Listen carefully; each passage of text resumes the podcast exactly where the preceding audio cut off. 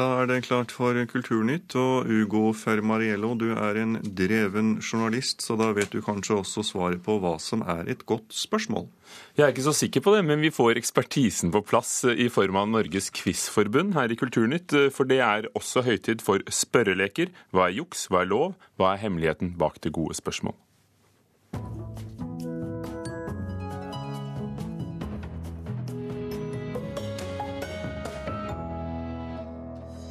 For øvrig i Kulturnytt. Forbrukerombudet krever at Facebook stanser reklame rettet mot barn. Britiske svindlere krevde filmstøtte for en film de ikke skulle lage, men endte opp med å både måtte lage filmen og fengselsdommer. Og Malis mest kjente artist Salif Keita er ute med ny plate. En stemme som forfører oss alle, påstår vår anmelder. Forbrukerombudet ber Facebook passe bedre på barna. Reklamen på nettstedet havner ofte på sidene til barn og unge. I Norge er det ulovlig å rette reklame direkte mot barn, men nettstedet befinner seg i en gråsone. Nå krever forbrukerombud Gry Nergård at Facebook skjermer mindreårig mot reklame. Ja, her. Her ser vi jo et uh, spill, en app som er um, kommet som reklame i newsfeeden. Så av såpass stor interesse for barn at hvis den kommer direkte i newsfeeden til barn, så mener vi at det kan være i strid med forbudet mot direkte kjøpsoppfordring til barn. På Facebook får barn og unge tilbud om å kjøpe spill, klær, konsertbilletter og mye annet. Det bekymrer forbrukerombud Gry Nergård. I nyhetsstrømmen blandes meldinger fra private venner og kommersielle aktører i en strøm av oppdateringer. Og Det kan jo være veldig vanskelig for barn å skjønne egentlig at det er reklame, for det første. Og for det andre så er det jo et spørsmål om det rett og slett er ulovlig å gjøre det på den måten. For det blir veldig direkte reklame når du får det på nyhetsstrømmen din på den måten.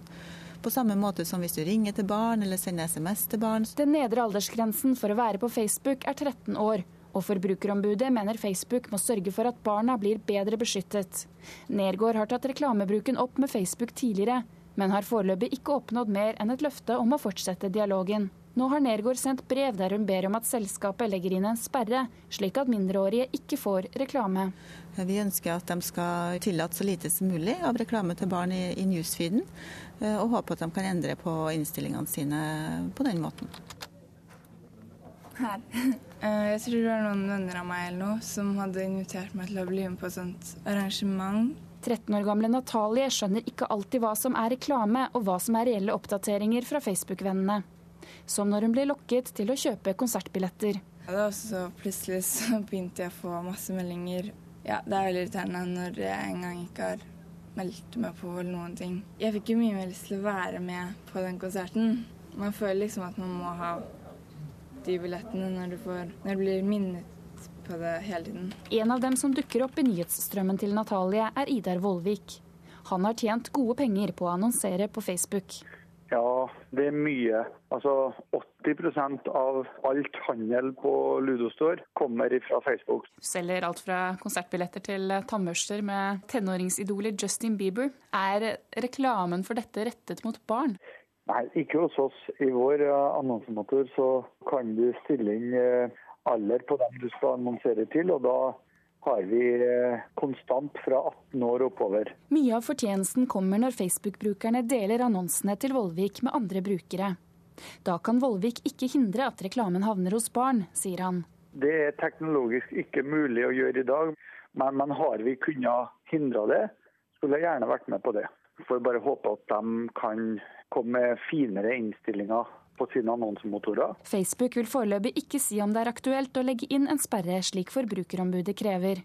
Men policydirektør for Facebook i Norden, Thomas Myhrup Christensen, uttaler i en e-post at Facebook har en konstruktiv dialog med det norske forbrukerombudet, og at de setter pris på tilbakemeldinger.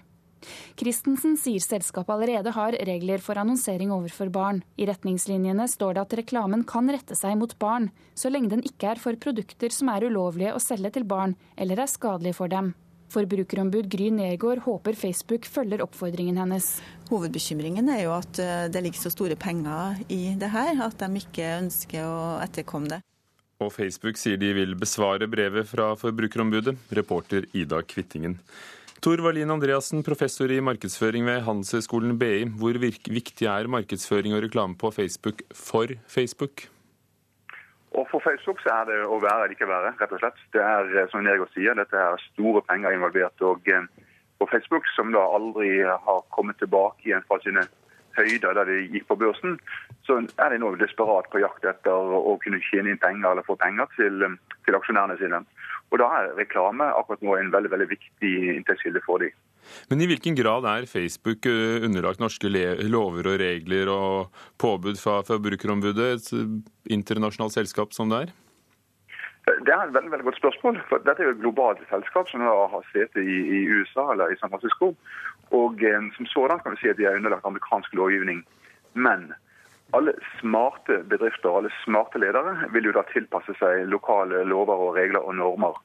Og I Norge eller i Norden så har det slik at vi ønsker å skjerme barn for reklame og for påvirkning. altså derfor Argumentet er at de er lett påvirkelige, og det er også da eh, underbygget gjennom mange mange studier.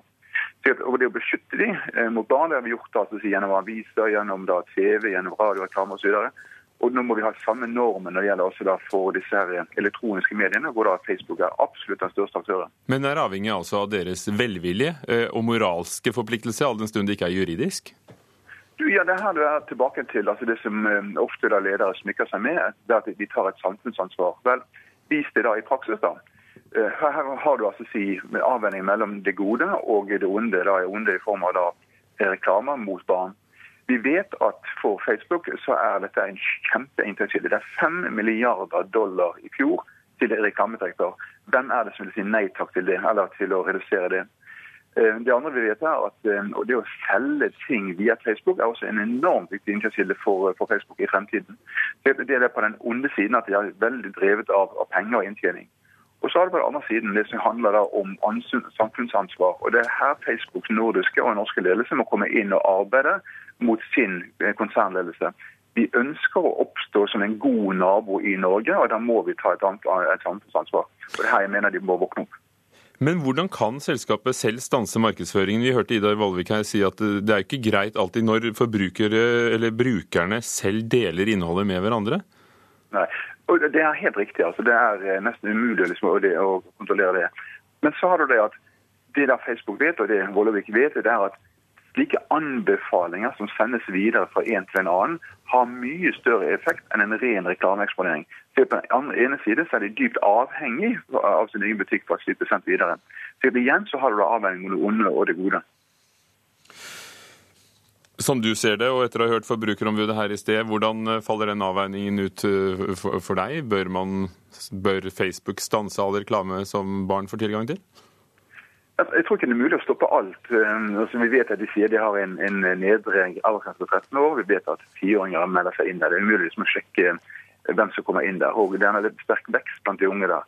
Jeg tror det er tilbake til rett og slett at vi, vi må ta et samfunnsansvar. Altså, Facebook er helt avhengig av at brukerne bruker Facebook. Uten brukerne er Facebook død. Hvis brukerne føler seg ukomfortable med den policyen som Facebook har, altså både blant de samler inn data om brukerne, hvordan de sender det videre, selger det videre til annonsørene, så vil de slutte å bruke det straks det finnes et alternativ til Facebook. Da er Facebook konkurs. Og Det er akkurat dette de må skjønne, at på lang sikt så er det lurt å være lur. Akkurat nå er det lur på veldig kort sikt. Takk skal du ha, Tor Wallin Andreassen, professor i markedsføring ved Handelshøyskolen BI.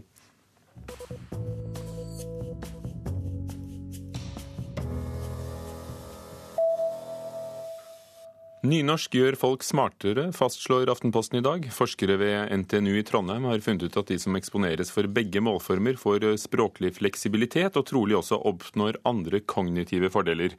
Forskere vet allerede at flerspråklige er mer kreative og får informasjonen med seg lettere.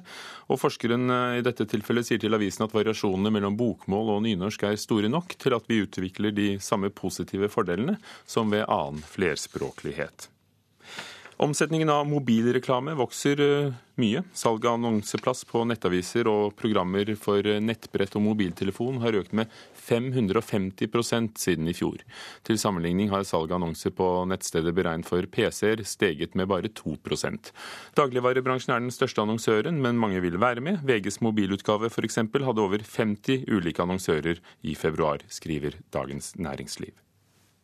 Men Karlsson sa jeg tar deg på ryggen og hejsan hoppsan flyger vi opp til meg. Se bare til så du ikke får fingrene i propellen. Ja, men tror du virkelig at du orker meg? frågade lillebror. Ja, det blir det vi får se, sa Karlsson. Astrid Lindgren, forfatteren bak 'Karlsson på taket' og utallige mange andre kjente barnebøker. Nå skal regissøren bak dokumentarfilmen og TV-serien om Olof Palme, Maud Nykander, også lage film om Astrid Lindgren. Filmen skal få premiere til jul, og Nykander sier til nyhetsbyrået TT at fordi hun var en veldig privat person, håper Nykander å vise hvordan forfatteren ble det sammensatte mennesket hun ble, og det er først i neste jul at filmen om Astrid Lindgren skal komme i Sverige.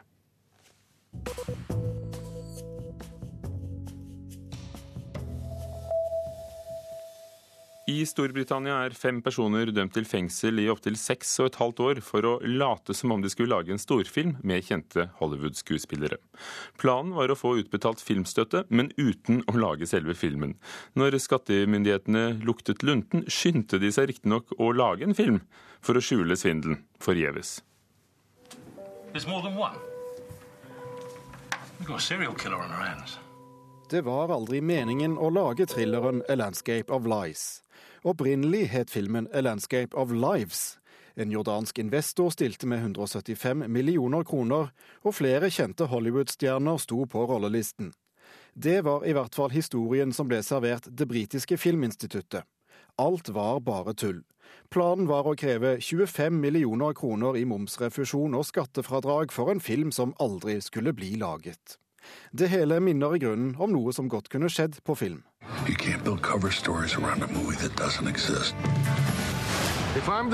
Movie, og jammen handler ikke Argo, som fikk Oscar for beste film for bare en måned siden, nettopp om å late som man lager film. Her som en CIA-operasjon i Iran. Men tilbake i Storbritannia ble i går ettermiddag fire menn og en kvinne dømt for filmsvindelen. Hjernen bak fikk seks og et halvt år, de andre fikk henholdsvis tre og et halvt, fire og fire og et halvt år i fengsel. Um, um,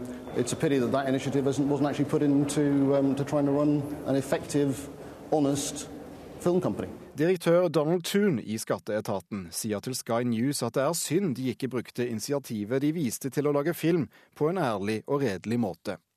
For når Toon og hans menn fikk snusen i hva som foregikk, kastet de fem svindlerne seg rundt og fikk laget en film for ikke mer enn 750 000 kroner.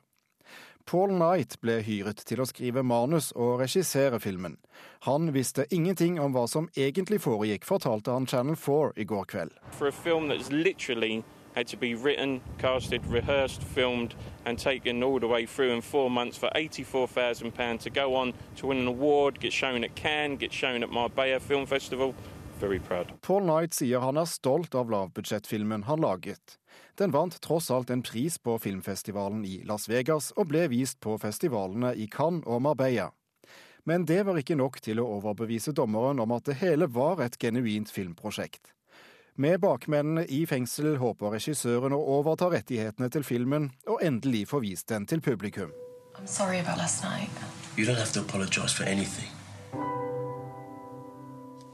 Reporter Thomas Alverstein Ove om svindelfilmen i England. Klokken nærmer seg allerede 19 minutter over åtte dører på Nyhetsmorgen i NRK med disse overskriftene i dag. Gisseldramaet på Sinai er over. Norske Ingvild Selvik Ask og israeleren hun var bortført sammen med, ble satt fri i natt. Påsken er ikke lenger høytid for boliginnbrudd. En målrettet innsats mot omreisende kriminelle har ført til at antallet på innbrudd har falt, ifølge politiet. Og så minner jeg om at vi skal høre fra Malis store artist Salif Keitas siste plate senere her i Kulturnytt. Påske, ja. Påskenøtter på TV, påskelabyrint på radio, egne påskespørrebøker og bilag i ukebladene. Påske er høytid, en religiøs høytid. Ikke lenger for innbrudd, har vi akkurat hørt, men også for krim, i hvert fall, og for spørrekonkurranser. President i Norges Quizforbund, Ingrid Sande Larsen, velkommen. Tusen takk. Hvordan ble det sånn at påsken er en tid for å spørre hverandre? Ja, jeg tror vel det at eh, påsken er en høytid hvor man har ganske god tid. Altså, det med spørreleker og quiz har vært populært i veldig mange år. Altså, både her gjennom programmer i NRK, radio, TV og spørrebøker og alt. Men eh, sånn som i jula så driver man jo med altså baker sju sorter, og man skal ordne ribbe, og man skal vaske og pusse sølv og alt. Men påsken, da Altså, butikkene er stengt, man er på en hytte. Man har god tid til selv og familien og venner, og da er det bedre tid, rett og slett. Alle snakker nå om quiz. Før sa vi eh, spørrelek, spørrebøker, spørrekonkurranse. Det skjedde rundt 10-12 eh, års tid siden, etter mine undersøkelser eh, i avisene, når man begynte å bruke ordet quiz. Hva foretrekker du? Eh, quiz foretrekker jeg jo selv, absolutt. Det er det som er blitt etablert også. Eh, det er vel flere, kanskje flere årsaker til at man eh, skifter. Jeg tror det har en sammenheng med at pubquizene begynte å komme til Norge. Fra Storbritannia, først og fremst. Det er vel en ca. 15 år siden. For det er mer av et fenomen nå enn før? Dette ja. med organisert spørring? Det er det absolutt. Mm. Hva er eh, ditt ekleste spørsmål? Jeg vet ikke om jeg har noe konkret spørsmål, men for min del er altså når det er spørsmål fra natur og vitenskap som f.eks. innebærer å forklare prosesser innen fysikk eller eh, som har med intrikat matematikk å gjøre, da begynner jeg å svette litt og bli litt svimmel. Det er ikke helt min. Bestselgere nå for eh, faktabøker er faktisk boken 'Påskekviss' fra Juritzen forlag. Du er selv ansatt i Kagge forlag, som har en mengde quizbøker som jeg regner med at du tar hånd om. Men hvor mye merker dere konkurransen fra mm, apper på mobilen med, med spørreleker? Ikke nødvendigvis eh, så veldig mye. Eh, jeg tror det har litt forskjellige funksjoner. Disse appene eh, som etter hvert har begynt å fungere veldig bra og har bedre kvalitetskontroll og sånt enn tidligere, det er mer egnet for individuell quiz. Man spiller på tid for seg selv med motstandere som man enten vet eller ikke vet hvem er. Spørrebøkene og quiz-spillene er mer sosiale. Samler familie og venner. Litt som pubquizen gjør det. For det er jo en sosial aktivitet som veldig mange liker å drive med. Så jeg tror det er litt forskjellige. For, fornyer spørsmålene seg? Eh, for det kommer jo stadig nye bøker. altså Bestselgerne har hittil solgt 13 000. De, dere kommer stadig med nye, nye, bøker. altså Hvordan fornyer spørsmålene seg? Det fornyer seg jo med altså noen spørsmål handler jo om aktuelle hendelser, så eh, da stiller man spørsmål om det. Det er jo mye som forandrer seg i verden med eh, arealer, befolkningstall innen geografi f.eks. Det er nye folk som vinner nye priser. altså så, sånne ting. Men Kan du eh. forklare at på bunnplasseringen av hva folk kan svare på, og hva de liker i en svensk undersøkelse, kom kunst og kultur? Ja, det vet jeg ikke. Altså det, det, er vel en undersøkelse som er gjort i forbindelse med en av disse appene, eh, kanskje. Jeg vet ikke. Men ehm, Nei, jeg vet ikke helt hva årsaken er, er til det. Eh, hva skal til for å skape god stemning og, og, og en vellykket spørrelek? det er altså Hvis man har, eh, enten man har laget spørsmålene selv eller bruker spørrebok eller spill, at det er tydelige og gode spørsmål og entydige svar. Det er jo oppskriften på gode spørsmål, eh, primært. At eh, spørsmålene og svarene er tydelige og entydige.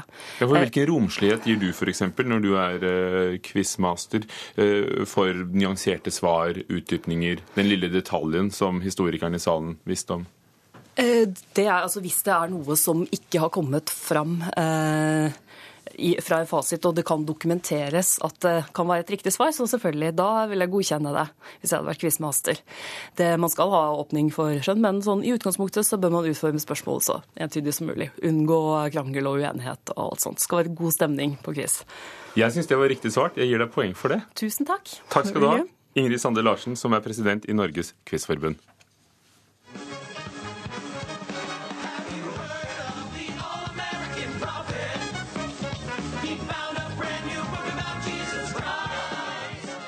Dette er fra musikalen The Book of Mormon, som setter åpningsrekord på Londons West End. Musikalen om de to mormonerne som reiser til Uganda for å spre budskapet, åpnet eh, i London før helgen.